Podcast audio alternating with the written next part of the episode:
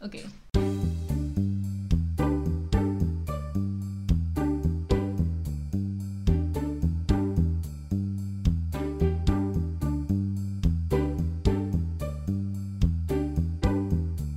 Hoi, welkom bij de Ik ben een soort van designer podcast, waarin Jitske en Emma zich afvragen wat de fuck ze aan het doen zijn. Op de kunstacademie.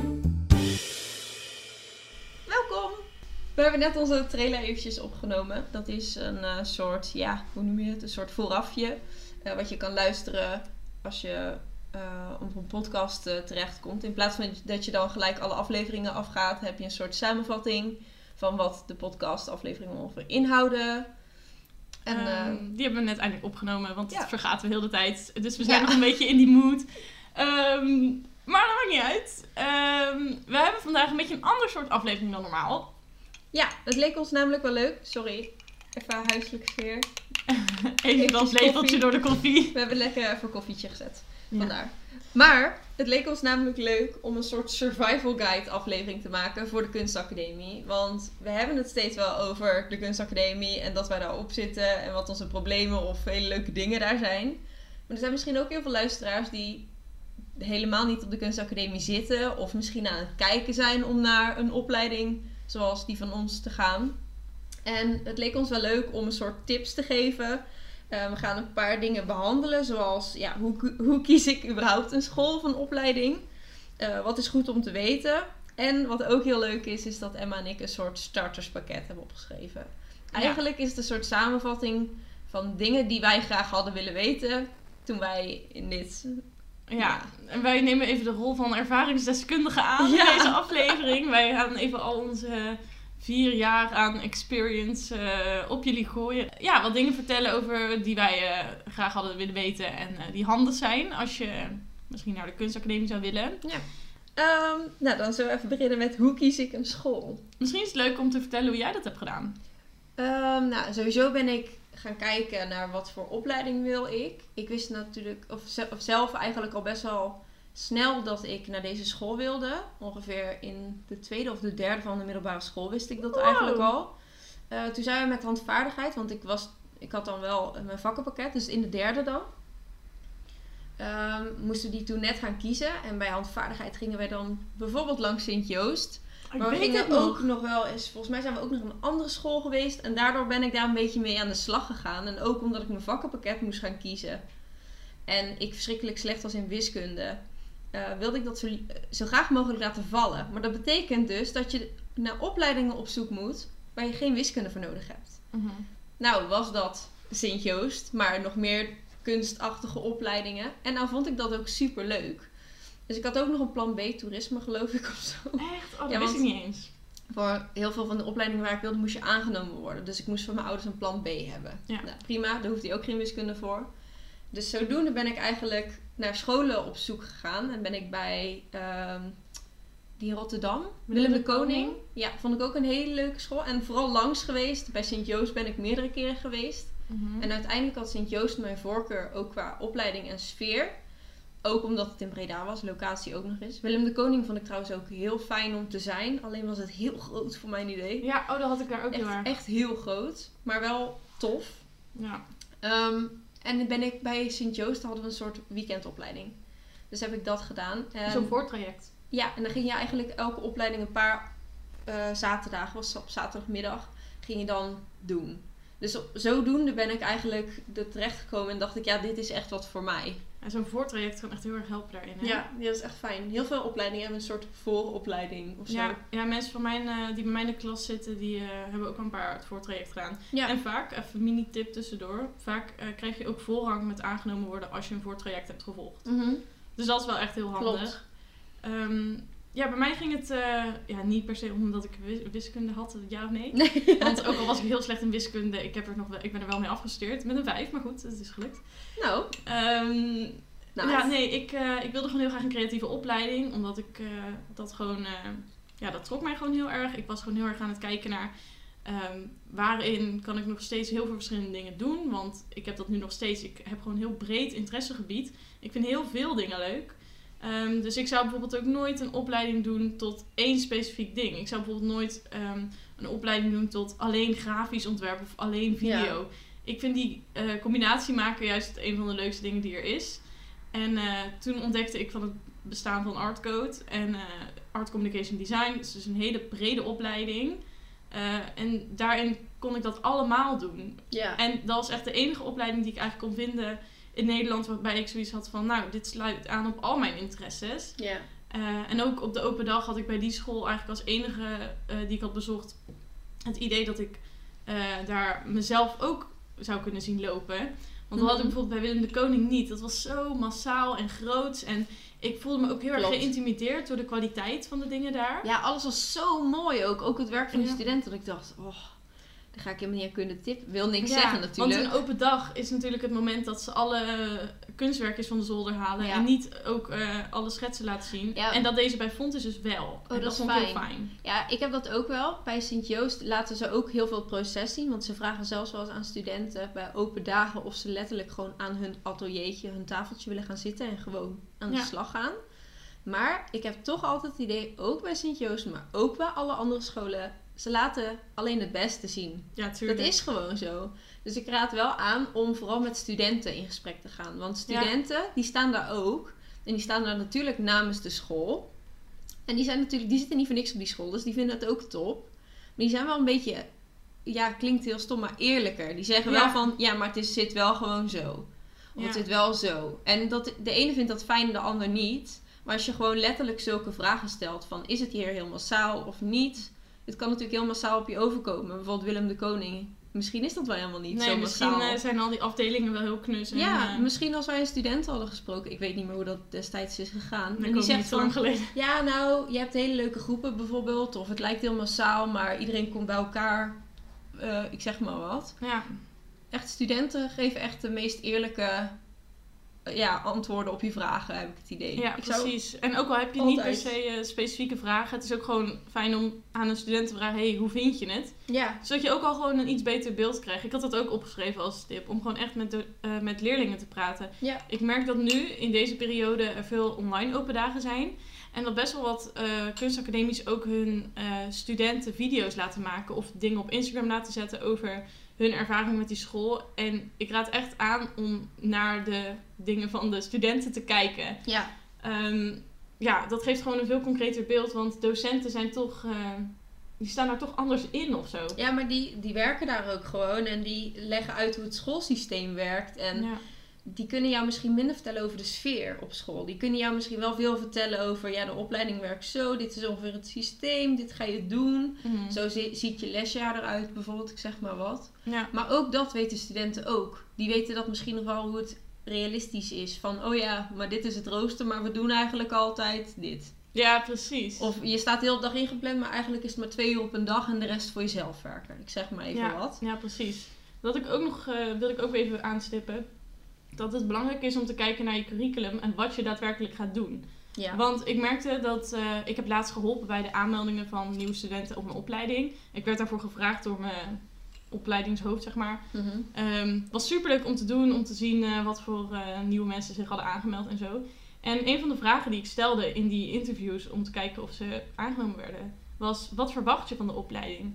En als mensen een antwoord gaven wat totaal niet aansloot, dan kon je ook al zien dat ze zich niet hadden ingelezen. ja. Maar ik denk dat het heel belangrijk is om gewoon goed te kijken wat je daadwerkelijk gaat doen. ja, anders heb je jezelf er ook heel erg mee. Ja, want anders heb je misschien een verwachtingsbeeld dat helemaal niet overeenkomt met de school of met de opleiding. En dat zou heel erg zonde zijn. Echt de helft van de mensen die ik die dag sprak had geen idee wat je nou daadwerkelijk ging doen. Nee. En wat voor soort lessen je had. Terwijl dat, dat staat online gewoon overal aangegeven Ja. en zo. Ehm, maar ik raad aan om zeker daarna te kijken. Want als jij je niet kan vinden in het lesaanbod, Ja. dan is de opleidingstitel misschien wel heel erg leuk. Maar in de praktijk niet. Nee, dat is misschien ook een leuk ezelsbruggetje gelijk naar wat is goed om te weten. Want bij, daar heb ik dus opgeschreven ehm, dat je misschien andere dingen verwacht van de naam van je opleiding dan dat het is. Ja, Zo heb ik bijvoorbeeld veel studenten gesproken van mijn opleiding, maar ook van andere opleidingen. Zeker bij de kunstacademie, die daar aankwamen en dachten: ik ga leren hoe ik moet schilderen. Of ik ga leren hoe ik in Photoshop een foto moet bewerken ja. echt de ambachten en de technieken leren. Nou kun je die ook zeker leren. Alleen is het niet dat je daar les in krijgt. Je krijgt vooral les in jezelf, eh, wie jij bent als ontwerper, bij ons bijvoorbeeld. Maar ja, nu we moeten we wel even nuanceren. Het gaat over, wij hebben het nu over onze opleidingen. Want stel jij gaat een specifieke schilderstudie volgen, dan krijg je Ja. wel ambachtsles. Ja, dat is waar.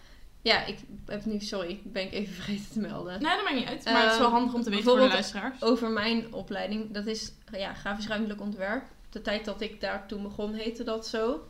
Ehm, en heel veel eh, studenten hebben dan ook wel van, ah, dan ga ik misschien inderdaad leren hoe ik met InDesign of eh, Illustrator of maakt niet uit, dat soort programma's te werk ga. En dat leer je ook zeker en je gebruikt het ook. Maar je leert meer, ja, die programma's moet je zelf leren. En dan leer je op school wat je daarmee kan maken misschien. Ja, zo ervaar En ik dat hoe ook je dat kan gebruiken voor, voor jouw ding. Ja, precies. Je krijgt meer tools aangereikt waarmee je jezelf kan uitdrukken, dan dat je per se heel goed die tools leert kennen. Ja, je Ehm, leert niet per se de technieken van die tools. Ja, ja, ik denk dat dat echt wel eh, iets is wat op heel veel kunstacademies terugkomt. Ik heb daar wel meerdere mensen over gehoord, ook van andere scholen. Ehm, Oh ja, dat even, het gewoon vaak eh, heel erg op jezelf aankomt. Ja, ja, dat is ook even side note, want op MBO heb je het, ja, ik weet niet of dat ook kunstacademie heet, maar ook kunstopleidingen natuurlijk. Mhm. En vaak leer je daar juist wel de technieken en minder wat je ermee kan. Ja, of tenminste ga je gelijk naar een eindproduct. En eh, dat is een heel verschil met HBO, want dat is juist andersom. Ja, oh, dat zeg je heel goed inderdaad. Eventjes voor, ja, wij zitten natuurlijk allebei op HBO, dus wij zitten een beetje in die bubbel. Mhm. Maar het is heel anders op MBO. Ja, ik merk ook dat mensen in mijn klas die eerst MBO hebben gedaan, veel betere skills hebben op bijvoorbeeld Ja. Adobe-programma's. Ehm, of eh, letterlijk in de houtbewerkingsplaats. Omdat die gewoon eh, die skills eerst hebben opgebouwd op hun MBO-opleiding.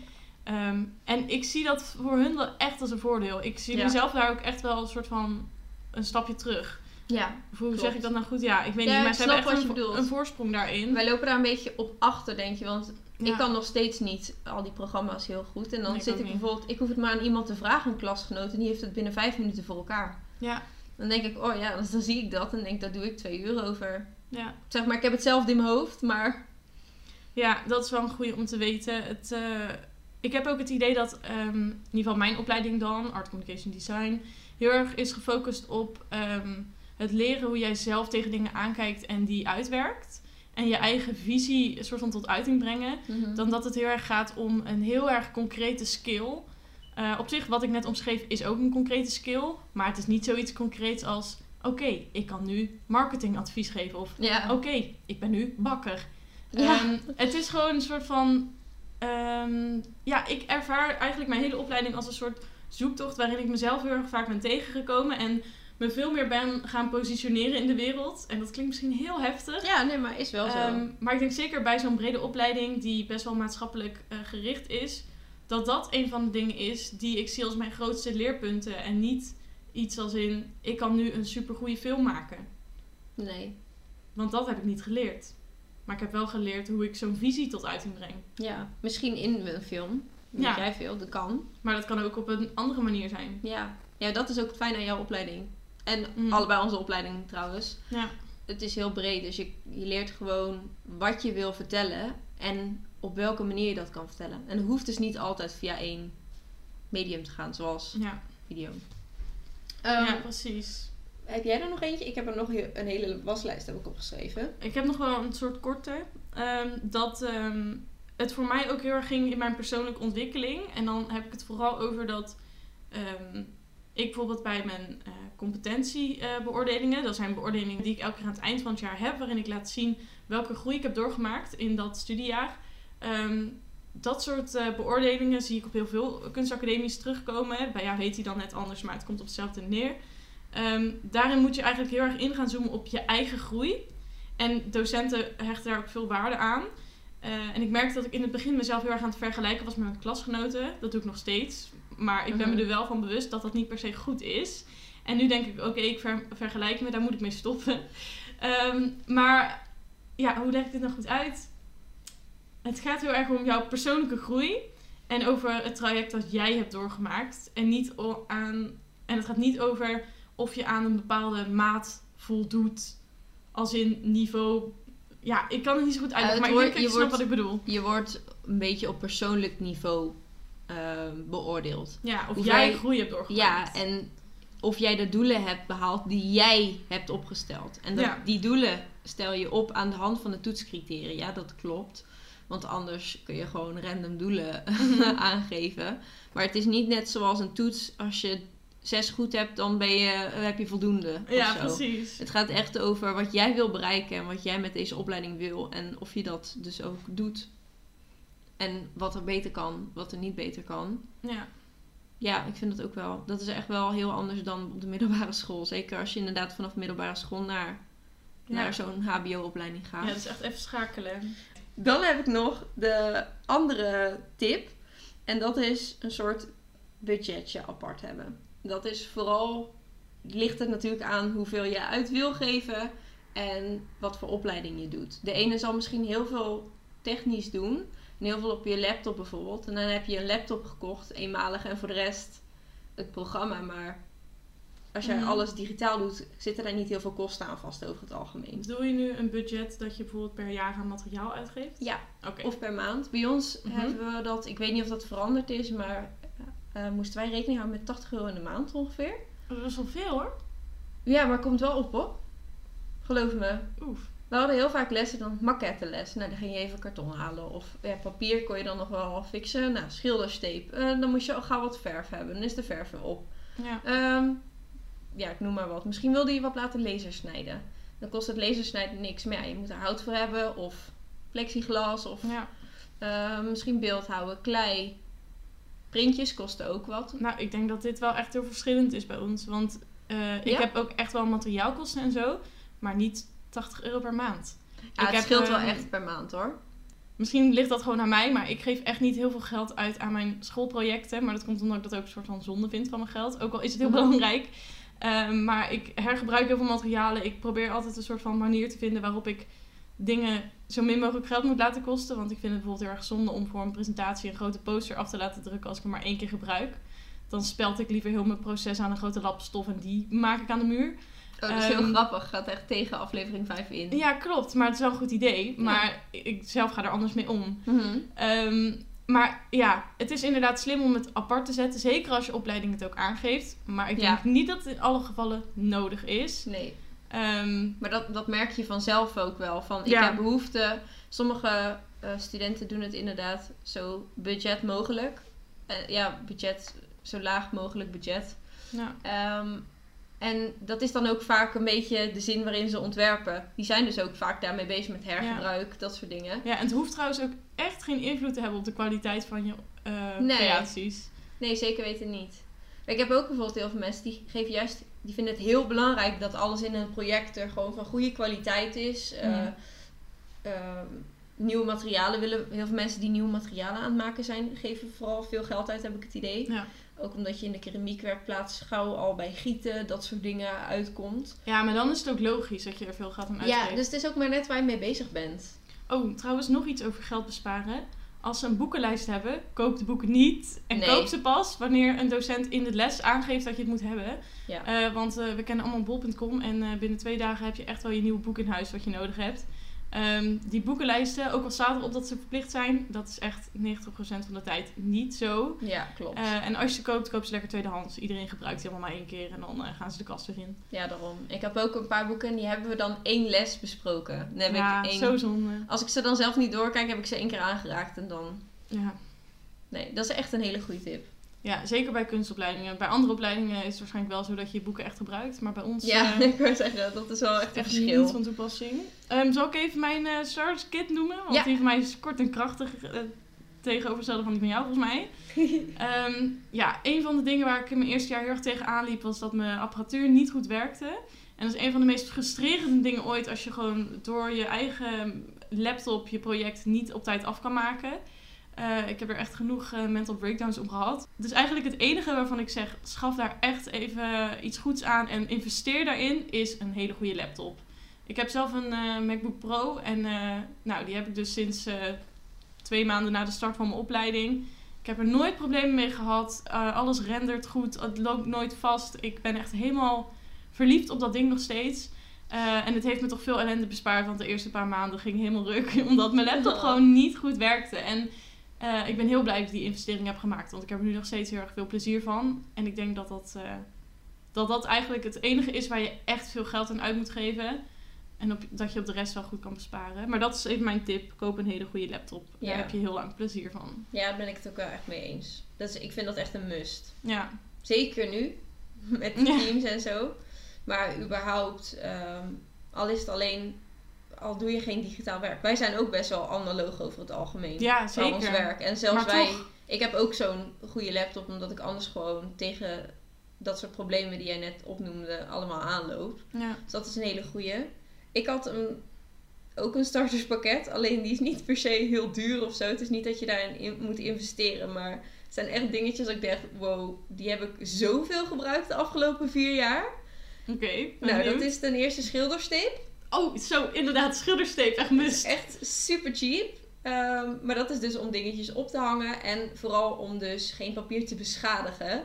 Je kan het er zeg maar gewoon zo weer afhalen en dan heb je niet zo'n lelijke streep of zo'n kras op je papier. Ja. Dat je gewoon heel het papierstuk meetrekt. Ehm, en wij rolden die altijd op aan de achterkant, zodat je dan geen Ja. tape zag. Bij ons was dat echt verschrikkelijk, hè? Daar werden docenten boos om als je Nou ja, zeg. bijvoorbeeld. Of het moest echt bij het design horen. Oh ja. Maar oké, mini tipje. Ik denk niet dat elke school zo vervelend daarover doet. Het is wel mooi, ik snap het nu wel.